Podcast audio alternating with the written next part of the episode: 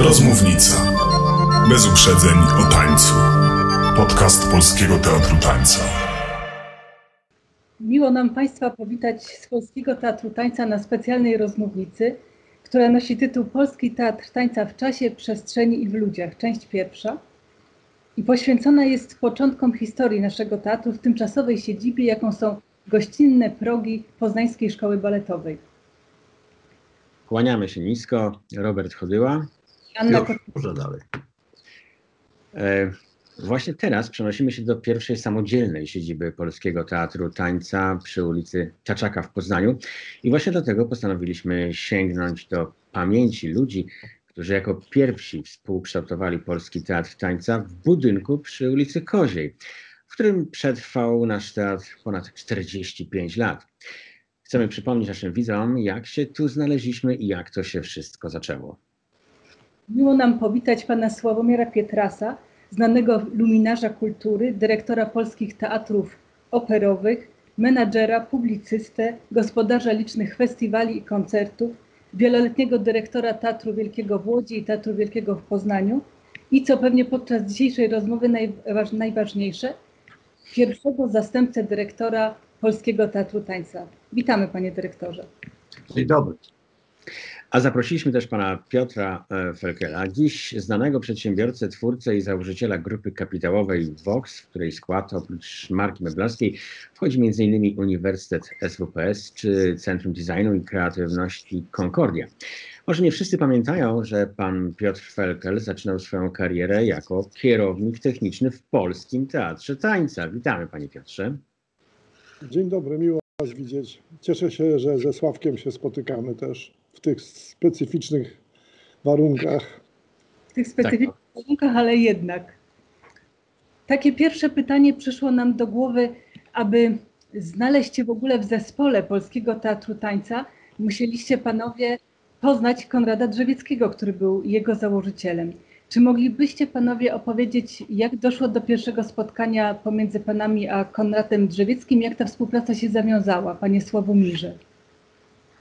No ja Konrada Drzewieckiego znałem od momentu, kiedy wrócił ze świata i w 1963 roku został kierownikiem baletu Opery Poznańskiej.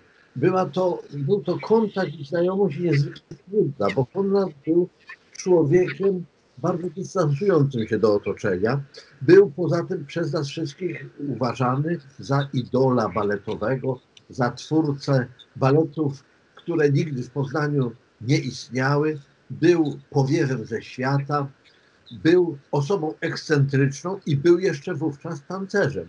Tak trwało lat 10, aż do roku 73. Ja w międzyczasie wśród rozlicznych swoich zajmowałem się również publicystyką, jeszcze studiując prawo. I w ramach tej publicystyki pisałem kiedyś o tym, że dla y, sztuki Konrada Drzewieckiego opera jest za ciasnym terenem, że należałoby wyodrębnić ten zespół. Nie precyzowałem tego, bo nie sądziłem, że ktoś się tym przejmie, tylko rzucałem tę myśl po to, aby trochę chronić Drzewieckiego przed pewnymi atakami źle pojętych tradycjonalistów, którzy nie bardzo rozumieli, co on opowiada swoją sztuką tańca. I proszę sobie wyobrazić, że po latach, kiedy już pracowałem w Operze Wrocławskiej, przyszła wiadomość, że prezydent miasta Poznania chce ze mną rozmawiać, bo ktoś mu podsunął ten właśnie artykuł, a właśnie powstała myśl, że trzeba by usamodzielnić sztukę Drzewieckiego w postaci osobnej instytucji i czy ja nie mógłbym przyjechać na rozmowę w tej sprawie. I ja wtedy zwierzyłem się z tego Piotrowi Felkelowi, który był wówczas przed dyplomem na Politechnice Wrocławskiej stażystą w operze, ponieważ chciał pisać pracę magisterską o urządzeniach scenicznych. W końcu nie wiem, niech przy okazji powie, czy ją napisał, czy na jakiś inny temat, no ale to nas z sobą wiązało i byliśmy współpracownikami. I on mnie odprowadzał, bo wtedy jeszcze nie miał samochodu, na pociąg do Wrocławia, do Poznania, mówiąc po drodze, słuchaj, ale pamiętaj, żebyś nie przyjeżdżał bez podpisanego kontraktu, do tego teatru. I ja byłem taki ciekawy, czemu on tak uważa. A on mi odpowiedział, a gdzie ja będę kierownikiem technicznym, yy, jeżeli ty się nie zgodzisz tam być. I tak się, tak się to wszystko zaczęło. Yy, ciekawy jestem jego punktu widzenia, myśmy nigdy yy, na ten temat z sobą nie rozmawiali, ale my z Piotrem byliśmy dwoma pierwszymi pracownikami i założycielami tego teatru. Dlatego, że myśmy już zaczęli, myślę, że Piotr mi to przypomni, funkcjonować chyba od czerwca. Wtedy poznał Piotra Konrad Żywiecki. Notabene od razu go zaakceptował, powiedział, to jest świetny pomysł, żeby ten facet został kierownikiem technicznym. Natomiast nominacji Konrad nie miał aż do września, a to dlatego, że Ministerstwo Kultury i Sztuki robiło różne bardziej lub mniej godne zapamiętania komplikacje i trudności. A myśmy już mieli yy, nominację, bo mnie podpisał prezydent, a ja podpisałem Piotrowi i pamiętam, że Piotr zajmował się głównie zakupami wszystkiego, co potrzeba jest yy, w nowej siedzibie, a ja pisałem statut teatru. I w ten sposób obaj po raz pierwszy i niestety jak dotąd ostatni raz w życiu tworzyliśmy codzienność i tworzyliśmy początek i taką namacalność nieistniejącej instytucji artystycznej. No to fantastyczna opowieść. Jest teraz e, do pana e, Piotra się zwrócę e, o te wspomnienia z tamtego momentu. Z jednej strony to odprowadzenie na dworzec pana Sławomira, z drugiej strony pierwsze spotkanie właśnie z Konradem Drzewieckim. Ta moja opowieść może się zacząć jeszcze troszkę wcześniej, bo ja zacząłem studia na Politechnice w Poznaniu i dość szybko wylądowałem w klubie Odnowa, gdzie organizowałem takie premiery studenckie, na które przyjeżdżał z Wrocławia Sławek po to, żeby wygłosić przed kolejną premierą studencką w operze kilka słów o tym spektaklu i przekonać studentów, że nie będą tracili czasu oglądając to przedstawienie. Po tych wszystkich premierach studenckich zwykle kończyło się to w Odnowie i tam przy wódeczce opowiadaliśmy o swoich różnych wizjach świata i marzeniach. I Sławek powiedział mi kiedyś, że dla mnie optymalnym miejscem do pracy jest właśnie być szefem technicznym teatru, bo z jednej strony studiowałem Politechnikę, a z drugiej strony widział mój zapał do kultury, do sztuki, do spektakli, do teatru i tak dalej. I to jego sugestia nie była gołosłowna, bo to on przekonał mnie, że warto przeprowadzić się do Wrocławia i studiować dalej we Wrocławiu, po to, żeby mieć właśnie dostęp do opery i móc w niej przejść kolejne etapy poznawania tego, jak funkcjonuje techniczna część teatru. I jakby w pewnym sensie byliśmy w takiej zmowie, że jeżeli tylko się pojawi możliwość, to wylądujemy gdzieś może razem w jakimś teatrze, gdzie ja będę właśnie szefem technicznym. Z innej perspektywy Wrocław był dla mnie też niezwykle ciekawym miastem, bo tam wtedy było bardzo bujne życie kulturalne. Było masę teatrów, był Grotowski, był Tomaszewski, był, e, e, ja byłem szefem klubu Pałacyk, który był takim międzyuczelnianym klubem i wtedy bardzo wiele się nauczyłem. I to, że Drzewiecki mi e, uznał, że może powierzyć funkcję szefa technicznego teatru, wynikało właściwie wyłącznie z faktu, że ja mu opowiadałem, ile rzeczy już zrobiłem we Wrocławiu i w życiu studenckim, że organizowałem festiwale, że byłem szefem klubu, że organizowałem koncerty, że, że poznałem w międzyczasie Grechutę i Ewę Demarczyk i wielu artystów, którzy wtedy ruszali w świat. I to go przekonało, że ja sobie również poradzę z, te, z teatrem, bo tak naprawdę ja miałem 21 lat i byłem, kończyłem czwarty rok, żeby podjąć pracę w Teatrze Tańca. E, musiałem poprosić dziekana, żeby pozwolił mi zrobić dyplom szybciej niż planowałem. I wtedy zrezygnowałem w tych wszystkich ambitnych koncepcji dyplomu o teatralnej technice i napisałem tylko bardzo prosty dyplom, który mogłem ogarnąć w półtora miesiąca. I dzięki temu, zaraz po rozmowie z Konradem Drzewieckim, który uznał, że może mnie przyjąć do pracy, skończyłem dyplom i pojechałem do, do, do Poznania i tak jak mówił Sławek, zaczynałem od zakupu zasłon, biurek, mebli, urządzenia garderób i zakupu sprzętu. I tutaj jest jedna z moim zdaniem smakowiczych anegdot, bo jak teatr mm, szykował się już do otwarcia do, we wrześniu, to pojawił się wiceprezydent Wituski, który był opiekunem naszego teatru i myślę, że to był główny sprawca tego sukcesu, że teatr ruszył w końcu, teatr tańca i przyszedł do mnie, to, to oczywiście było w obecności Sławka i spytał mnie, co ja potrzebuję jeszcze. Ja mówię, no że właściwie teatr nie ma żadnego sprzętu, nie mamy oświetlenia, nie mamy akustycznego sprzętu, że to wszystko musimy kupić. A on mówi, a jak pan szacuje koszty tego sprzętu? Ja mówię, wie pan, no z 50 tysięcy dolarów. Tuna. To były w ogóle inne 50 tysięcy dolarów niż dzisiaj, bo, bo po prostu to 5 tysięcy dolarów wystarczało, żeby zabić człowieka w walce, w tych filmach różnych. To były gigantyczne pieniądze. I Wituski na to mówi, 50 tysięcy dolarów, to dobra, niech pan przyjdzie do mnie jutro do gabinetu. Ja poszedłem do urzędu i on mi dał czek na 50 tysięcy dolarów i mówi, niech pan kupi, co potrzebuje.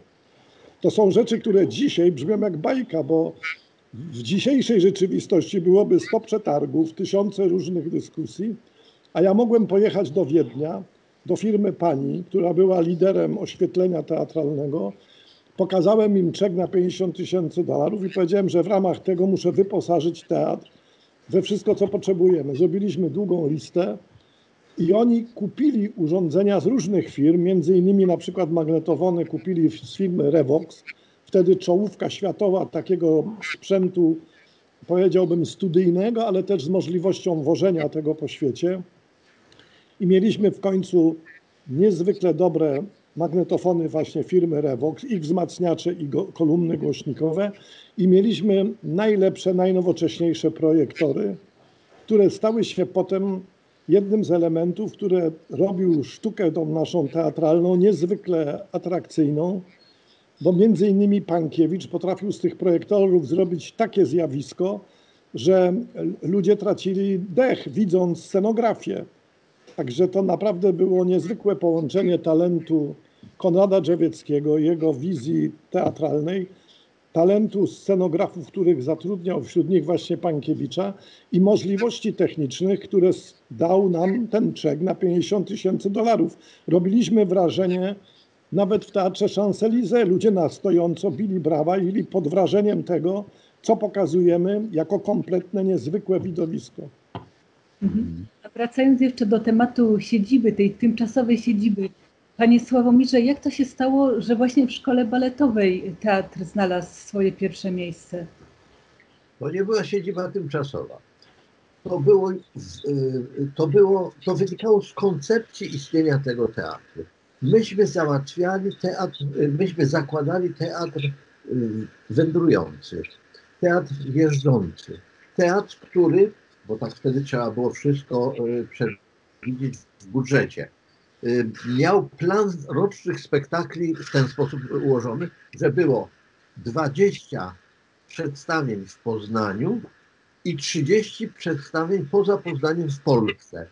Resztę przedstawień to były wyjazdy zagraniczne, których się nie planowało, bo to była działalność impresaryjna, robiona zresztą głównie za pośrednictwem Pagartu, aczkolwiek od początku istnienia tego teatru zaczęliśmy mieć własne, yy, własne kontakty impresaryjne i dla mnie te 6 lat pierwszych istnienia Teatru Tańca było znakomitą szkołą działalności impresaryjnej, która mi się przydała w toku dalszych moich działań w innych teatrach, którymi kierowałem. Ale, ale to wszystko podporządkowane było idei, że teatr, y, siedziba Teatru Tańca jest studiem teatralnym. I sala, duża sala zwana aulą w szkole baletowej, była miejscem, prowadziliśmy dopołudniowe lekcje i próby oraz od 18 do 22 wieczorne próby. No, sala bale, sal baletowych w teatrze, w szkole baletowej było o wiele więcej, ale myśmy to zaczęli okupywać. Tam na froncie od, na tyle szkoły baletowej, bo front był od Gołębi, a myśmy swoją siedzibę na tyle y, szkoły baletowej od Koziej zdobyło wejście na y, y, parterze było Królestwo Piotra, e, e, łącznie ze wszystkimi urządzeniami technicznymi, pracownikami i tak. Na pierwszym piętrze vis-a-vis wejścia do sali baletowej był, yy, był mój gabinet. Konrad nie miał gabinetu w ogóle, bo nie chciał, a potem mi zazdrościł, że ja mam, a on nie ma. Ale on był takim dyrektorem, który firmował ten teatr, yy, kreował w nim sztukę. Zaraz na początku istnienia zawołałem, kiedy podpisałem umowę i powiedziałem, pamiętaj, ty przed nami za wszystko odpowiadasz. Za wszystko, co dzieje się w tym teatrze. Konrad Drzewiecki ma tylko zajmować się sztuką. I myśmy przez sześć lat, przez sześć lat to z Konradem przestrzegali i stanowiliśmy znakomity tandem.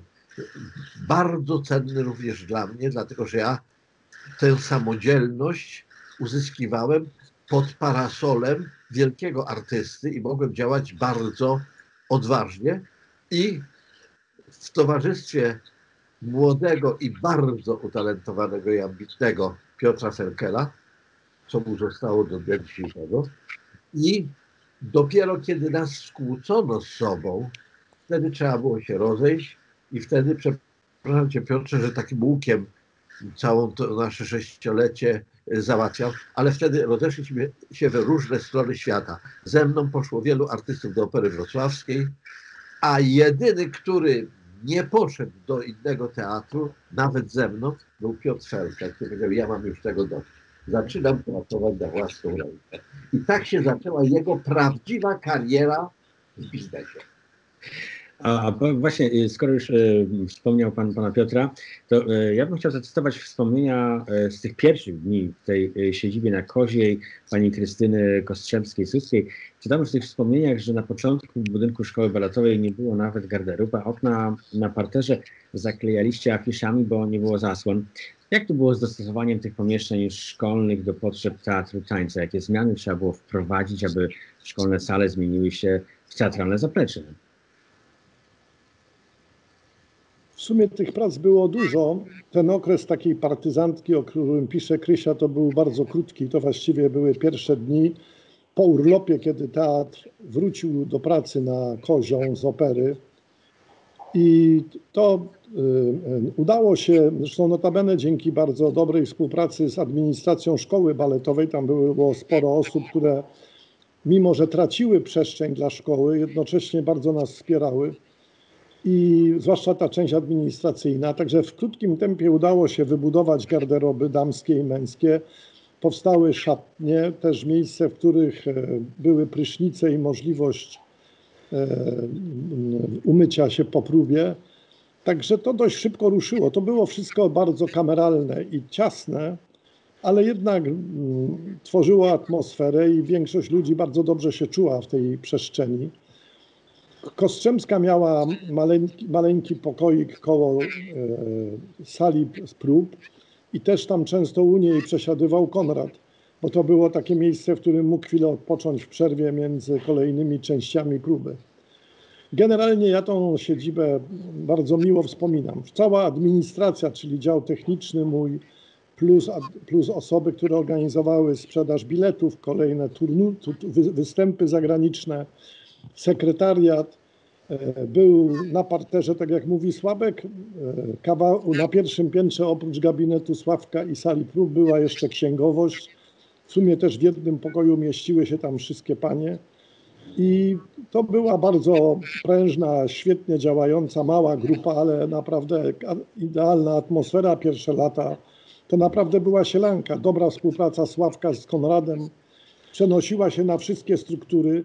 Nikt nie liczył czasu, wszyscy pracowali tyle, ile trzeba, żeby zrobić kolejne premiery, a zwykle przy tym było najwięcej czasu i pracy, ponieważ trzeba pamiętać, że to był czas komunistycznego niedostatku i bardzo wiele materiałów, które były potrzebne do scenografii, trzeba było kombinować w przedziwne sposoby, znajdywać jakieś cudem je w świecie i robić jakiś własny import, żeby to się powiodło.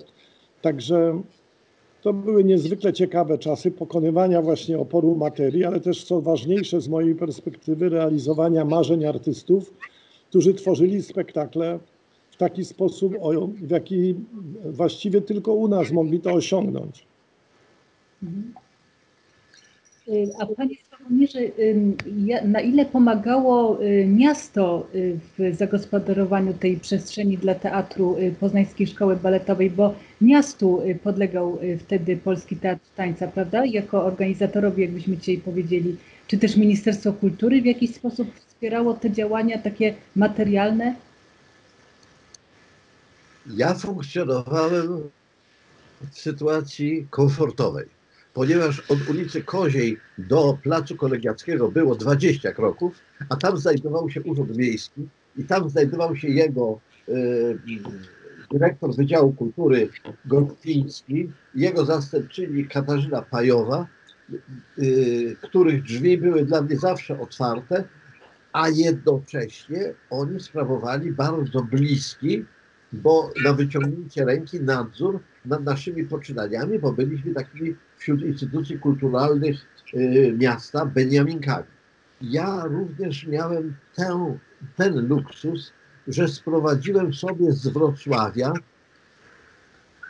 Krystynę Gogolewską, mistrzynię, mistrzynię księgowości, główną księgową Opery Wrocławskiej od jej zarania, od lat 40., która odważyła się i zdecydowała pójść ze mną na nowe, na nowe życie y, zawodowe i prowadziła mi idealnie księgowość i prowadziła idealnie wszystkie rachunki, wszystkie starania się o pieniądze. Natychmiast nawiązała takie jak trzeba kontakty z odpowiednimi partnerami w Poznaniu i z teatru tańca razem z nami odeszła, tylko my gdzie indziej, a ona już na emeryturę, bo już był najwyższy czas. Wspominam ją z największą czcią i wzruszeniem, bo ona była najbardziej, Piotrze, z nas bezimiennym współzałożycielem tego teatru. A panie Piotrze, pan Sławomir wspominał wcześniej o tym, że e, pana królestwo było na, e, na parterze i tam gdzieś były rozłożone te wszystkie wspaniałe rzeczy, które Pan kupił w Austrii, o których Pan wspominał. E, natomiast e, chcielibyśmy się dowiedzieć więcej o tej przestrzeni e, tamtej siedziby. Na przykład, tak jak dzisiaj czasami bywa, korytarze były za, zawalone właśnie tym sprzętem teatralnym, czy on miał swoje miejsce gdzieś w piwnicach? Jak, to, jak w ogóle wyglądała przestrzeń tych początków pierwszej siedziby Polskiego Teatru Tańca?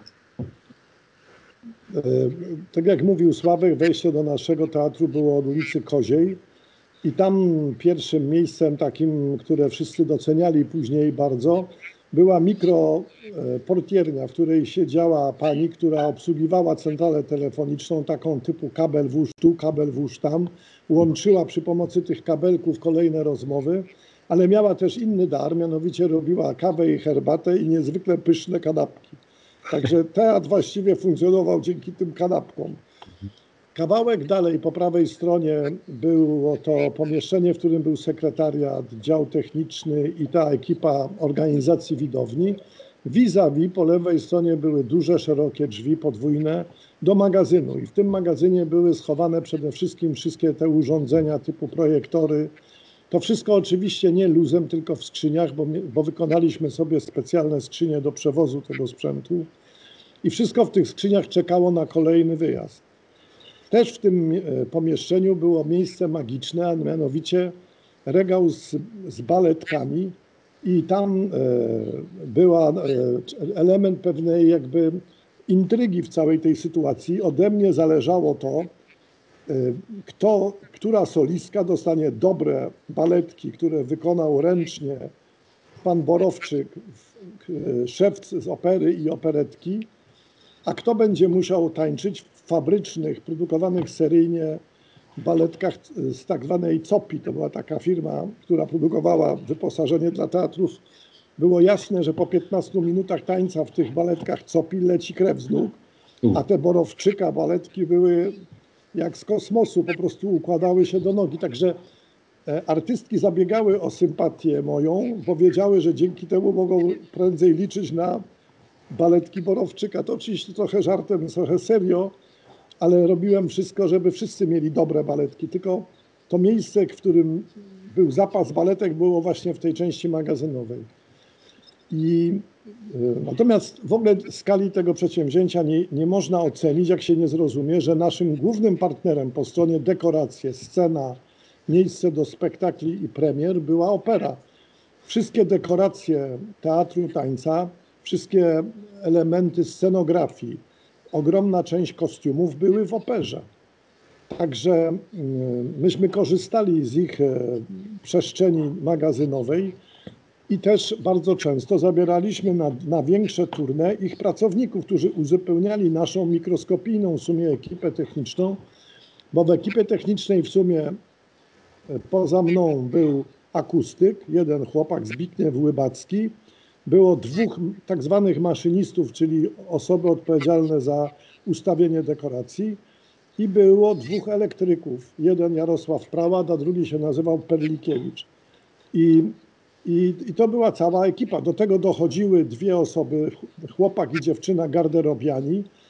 E, kolega Pietrzak, to w ogóle legenda e, świata teatralnego, pewnie do dzisiaj jeszcze z wami w jakichś relacjach Później po teatrze tańca wylądował w operetce, ale to po prostu była historia teatru, ale też niezwykle towarzyska osoba. Garderobianą była koleżanka Talarkiewicz, która odpowiadała za jakość wszystkich kostiumów przygotowywanych do wyjazdu. No i oczywiście ubierała potem w przerwie artystki do kolejnych spektakli. Ale tak jak mówię, bez symbiozy z operą teatr byłby bez szans. Także myśmy też mieli dostęp do wszystkich pracowni operowych, co było bezcenne, bo ja mogłem na tak zwane umowy zlecenia zlecić wszystkim pracowniom operowym wykonanie dla nas kostiumów i dekoracji do nowych premier. Z mojej perspektywy to też była przygoda niezwykła, ponieważ ja poznałem wtedy bardzo wielu mistrzów e, sztuki teatralnej, tej właśnie tej rzemiosła teatralnego. To byli panowie często jeszcze sprzed wojny, niezwykli artyści, malarze, stolarze. W stolarni królował pan Dolata. To po prostu był w pewnym sensie geniusz e, sztuki e, stolarskiej. Była świetna ślusarnia. Był facet, który umiał farbować na każdy kolor tkaniny. Był ktoś, kto umie robić dowolne sploty, węzły i liny.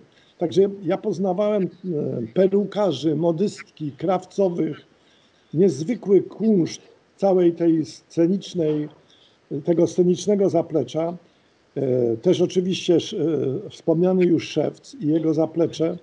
Także to była główna część mojego życia. Ja spędzałem więcej czasu w operze w tych pracowniach niż w teatrze tańca. Panie Sławomirze, a mógłby Pan jeszcze powiedzieć o takiej codzienności tancerzy? Jak wyglądał taki tancerza dzień wtedy? Jak ja chcę uzupełnić bezcenną wypowiedź Piotra dotyczącą jego ekipy i wszystkich tych szczegółów, które stwarzały również i atmosferę, i kształtowały poziom naszej pracy. Piotrze, Czesiu Pietrzak przyszedł do nas z operetki.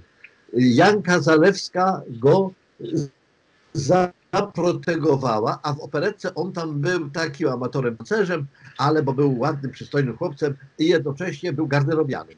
U nas rozwinął swoje umiejętności i potrafił również y, współdecydować o kształcie scenograficznym i kostiumowym spektakli. I dopiero jak odszedł z teatru tańca znalazł się w operze już za mojej dyrekcji, bo ja go namówiłem do tego, bo mi był bardzo potrzebny i dopiero z opery po latach, jako szef pracowni, przeszedł na emeryturę, a teraz współpracuje z teatrem muzycznym, siedząc na portierni, bo taki jest nasz los, że na końcu siedzimy na portierniach. Ale zawsze... Natomiast chcę Ci Piotrze przypomnieć drugą postać, która wywarła na tobie wrażenie. Był to twój współpracownik operowy Bronek Mintura, oświetleniowiec, który, masz rację, jeszcze chyba przedwojenny, który traktując cię poważnie, mimo różnicy wieku, kiedyś dał ci takie pouczenie, z którym ty przyszedłeś do mnie zapytać, co ty z tym masz zrobić. Ja bym chciał powiedział tak, jak to, ale 30 lat nie pracuje w teatrze, to pojęcia o wszystkim nie ma. I ty do mnie przyszedłeś i powiedział tak stary, Jak ja mam dalej pracować, skoro mnie jeszcze brakuje 29 lat do tego? No ale jakoś sobie poradziłeś. Ten kontakt ze starymi fachowcami teatralnymi był rzeczą bezcenną. Natomiast wracając do Pani pytania, tancerki i tancerze. Ja mam za złe na, naszym następcom, że zapominają historycznych już nazwisk wielkich polskich artystów baletu, którzy z nami zaczynali teatr tańca w 1973 roku. Że mówiąc o tej pierwszej ekipie Konrada Żywieckiego nie wymienia się Romy Juszka, Lubominy Wojtkowiak, Anny Staszak, Ewy Pawlak, a z mężczyzn Przemysława Śliwy, Kościelaka, Emila Wesołowskiego, Jacka Soleckiego, że wymieniam tylko powierzchowną czołówkę, bo przyszło zaraz następne pokolenie razem z duchem, z pastorem, już tymi wówczas młodszymi. Dzisiaj już wszyscy są starymi prykami, ale to był, och, Misiuda, Dybuś, y, to był niezapomniany zestaw artystów. Pamiętajcie, mówię to z perspektywy swojego wieloletniego doświadczenia we wszystkich innych teatrach, którymi yy, kierowałem. Takiego zestawu gwiazd, ale gwiazd zespołowości teatralnej trudno byłoby się gdziekolwiek doszukać. Co to wszystko sklejało? Sklejało to wszystko twórczość Konrada Drzewieckiego. Te jego ówczesne balety pisane i komponowane i tworzone na taką właśnie ekipę. I Konrad miał jedyny bodaj w historii polskiej choreografii yy, taki yy, bonus, że mógł sobie skompletować taki zespół, jaki mu się marzył w jego twórczych zamysłach.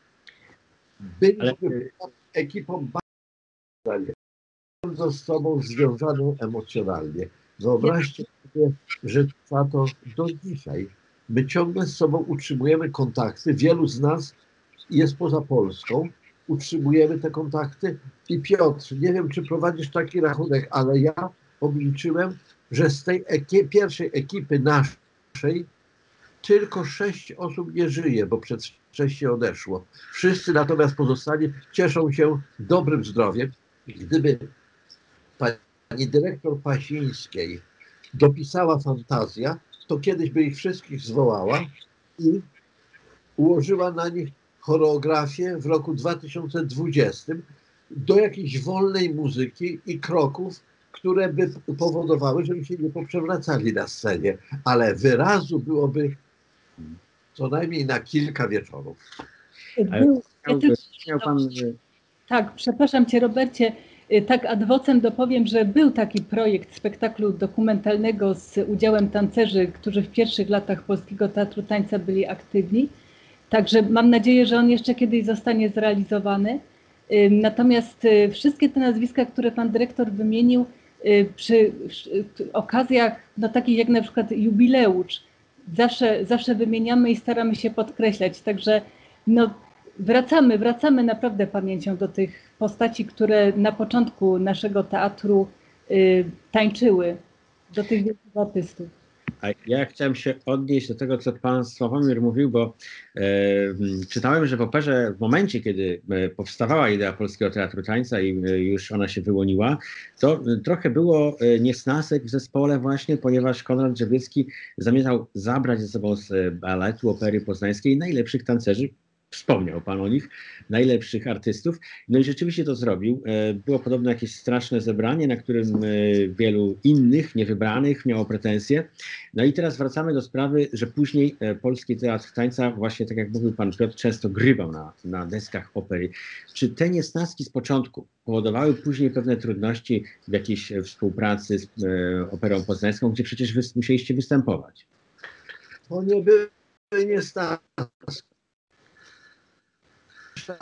i w atmosferze wielkiej awantury Konrad wydobył bodaj 300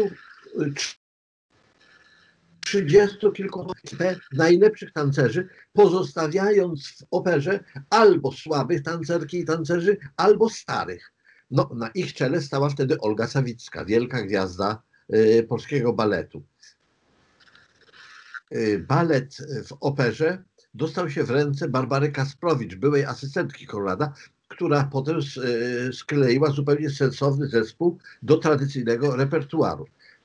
Natomiast my występowaliśmy w Operze Poznańskiej, to było w umowie między teatrami, yy, umowie bezterminowej, zawarte, że, że 20 spektakli i wszystkie premiery oczywiście w sezonie mieliśmy.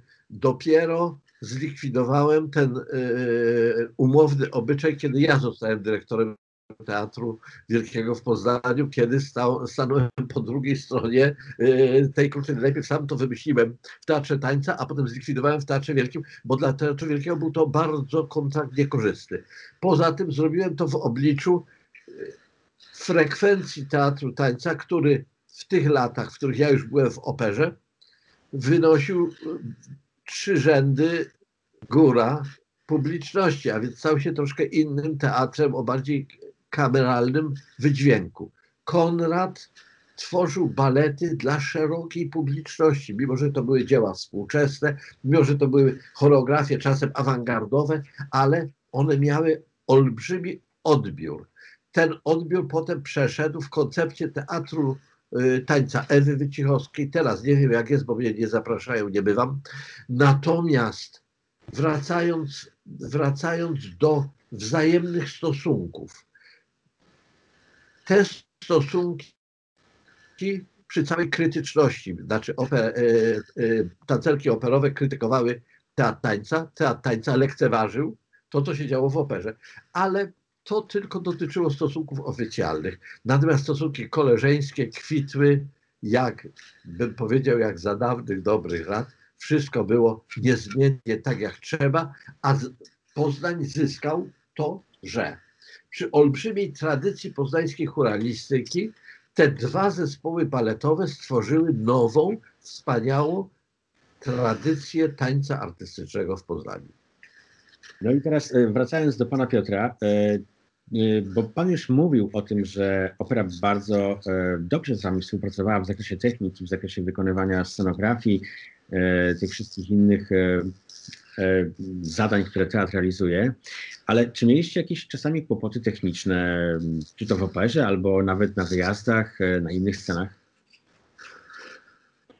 W operze byliśmy w sumie jak w domu, więc trudno mówić o, o jakichś komplikacjach. Wręcz przeciwnie, ja y, miałem tam komfortową sytuację, bo po pierwsze działałem legalnie, bo to było w ramach wszystko umów i porozumień między teatrami, więc jak wchodziłem do pracowni krawieckiej czy wchodziłem na scenę, jak ustalałem coś z ekipą techniczną teatru e, opery, to wszystko e, było w dobrym klimacie, bo ja również tym ludziom mogłem płacić dodatkowe pieniądze. Oni wykonywali te prace dla nas nie w ramach etatu, tylko mieli ode mnie umowy i na tej podstawie ja im wypłacałem odpowiednie kwoty za wykonaną robotę. I to dla nich było też e, dobre. Ja z nimi się bardzo uczciwie rozliczałem, nigdy nikogo nie oszukałem i oni wiedzieli, że jak coś ze mną umówią, to tak będzie. I to naprawdę powodowało, że myśmy mieli świetne relacje. Z drugiej strony oczywiście było masę przygód na wyjazdach, bo teatr miał taką małą ekipę techniczną, że nie mógł zagrać spektaklu, żadnego z naszych dużych spektakli, e, bez współpracy z lokalnymi współpracownikami. I oczywiście były różne napięcia. Czasami one były łatwe do rozładowania, bo jak pojawialiśmy się na przykład w Niemczech, e, to wszyscy widzieli, że ja mam ekipę takich w sumie młodych bardzo facetów. Ja sam miałem 21-22 lata. To wyglądało z perspektywy tych starych, dobrych, tradycyjnych teatrów. Ta ekipa to byli faceci, którzy część z nich jeszcze byli na II wojnie światowej pod Stalingradem i opowiadali o swoich przygodach z tamtego czasu, więc oni patrzyli na mnie jak trochę na szczeniaka. Ale y, zorientowałem się szybko, że jak puszczę przy okazji papierosa gdzieś na przerwie informację, że skończyłem Politechnikę i że jestem Hochfachschule tak zwana, no to stawali na baczność i w ogóle zmieniało to tych przygód było tysiące, bo były bariery językowe czasami. Na przykład w Sztokholmie graliśmy w teatrze, gdzie wszyscy mówili po szwedzku, a po naszej stronie nikt nie znał szwedzkiego. Więc musiałem w ciągu kilku godzin nauczyć się takich komend, które oni zrozumieli i mogłem wydawać im polecenia w trakcie spektaklu, żeby to wszystko, ta cała machina ruszyła. Były też oczywiście sytuacje, kiedy nas bojkotowano. Pamiętam, że chyba w Częstochowie, a może w Lublinie była na scenie te, ekipa techniczna. Wszyscy byli z więzienia, to byli wypożyczeni do pracy na scenie więźniowie i oni w ogóle patrzyli na mnie jak na, jak, jakby mnie nie było, no byłem dla nich przezroczysty, nie? I u tego momentu, kiedy na przerwie śniadaniowej ich główny herż, on miał tutaj jakieś belki wytatuowane na, na, na, na ciele i gwiazdki, widać było, że jakiś wysoki rangą więzień. I on mi mu powiedział w pewnym momencie, chodź, spróbujemy się na rękę. Ja wtedy byłem młody i bardzo silny, bo pracowałem też dużo przy tych dekoracjach, nosiłem te skrzynie razem z kolegami. I wyobraźcie sobie, że go na tą rękę położyłem. No i od tej pory wszyscy jedli mi z ręki, więc jak gdyby sytuacji różnych, barwnych były setki, ale to w ogóle nauczyło mnie rzeczy, która jest moją częścią mojego dzisiejszego, takiego powiedziałbym, częścią mojego sukcesu, czyli umiejętność wejścia w krótkim czasie w bardzo serdeczne, dobre relacje z ekipą, która mm, wykonuje moje polecenia. Nauczyłem się być elastyczny i budować te zespoły z bardzo różnych ludzi, z bardzo różnych mm, kultur też, bo byli przecież to też, myśmy występowali na południu Jugosławii, tam gdzie byli muzułmanie, no w ogóle bardzo różne nawyki, zwyczaje i w każdej z tych sytuacji musiałem zjednać sobie lokalnych ludzi, żeby zrobić z nimi spektakl, żeby pomogli w garderobach, żeby pomogli w oświetleniu, żeby zrobili z nami wszystkie te niezbędne ruchy dekoracji w trakcie spektaklu. No właśnie do tego tematu y, anegdot, czy nawet legend jeszcze chcieliśmy nawiązać, bo zawsze takie wydarzenie jak właśnie utworzenie, y, na przykład utworzenie polskiego tatu tańca obrasta w takie historie. Panie Sławomirze, czy mógłby Pan jeszcze przytoczyć kilka takich barwnych opowieści z początków naszego teatru? Ja nie należę do ludzi, którzy za naciśnięciem guzika opowiadają anegdoty, mimo że takie legendy o mnie krążą, o czym z czasu do czasu się dowiaduję. Jeszcze raz podkreślam, że ta atmosfera pracy w Polskim Teatrze Tańca y, w jego pierwszych latach przeszła do pięknej legendy, również dlatego, że my sobą do dziś zatrzymaliśmy i konserwujemy dobre wspomnienia. Ja miałem asystenta, nazywał się Gienek Chudzicki. To był syn woźnej w teatrze. Piotr się uśmiecha, bo to też jest postać, którą trzeba wspomnieć. On był bardzo wiernym naszym towarzystwem, a dlatego był moim asystentem, że był człowiekiem niepełnosprawnym i ja y, go troszkę chroniłem przed czasem brutalnością jego rówieśnych, y, y, jego rówieśników, artystów baletu, którzy byli od niego sprawniejsi, ładniejsi, bardziej utalentowani, ale on w obrębie tego teatru spełniał spełniał bardzo wiele różnych funkcji, których, yy, yy, których ja nie zapomniałem. Piotr, nie wspomnieliśmy również o profesorze Ignaszaku na portierni. tylko o portierce mówiłeś, o nie dziwię się. Natomiast profesor Ignaszak był to facet, który był u nas portierem, ale miał ode mnie zwolnienie od za 15-12 w południe do 15 po 12, dlatego że on był trębaczem na wieży ratusza poznańskiego, a było to 30 metrów dalej i on szedł tam trąbić yy, mając otwarte okna w gabinecie, zawsze y, byłem jego recenzentem. Potem przychodził do mnie pytać się, czy dobrze zatrąbił, więc ja, jeżeli dobrze, to go chwaliłem, jeżeli miałem zastrzeżenia, to mu przekazywałem, ale w ten sposób, mówiąc do niego, panie profesorze, bo każdy, kto umie grać na jakimś instrumencie, jest już profesorem, y, wprowadziłem zwyczaj, że wszyscy się do niego tak zwracali. A Konrad Drzewie, nie bardzo obserwując to na y, co dzień, chodził do niego na przykład zamówić herbatę i też mówił, proszę herbatę panie profesorze, ale kiedy mnie pyta tak, panie dyrektorze, niech mi pan wytłumaczy, czego profesorem jest ten Ignaszek, bo Konrad myślał, że to jest prawdziwy profesor, a on był tylko profesorem od gry hejdału na, y, na wieży ratuszowej. Szereg anegdot z tego okresu jest mniej cenzuralnych.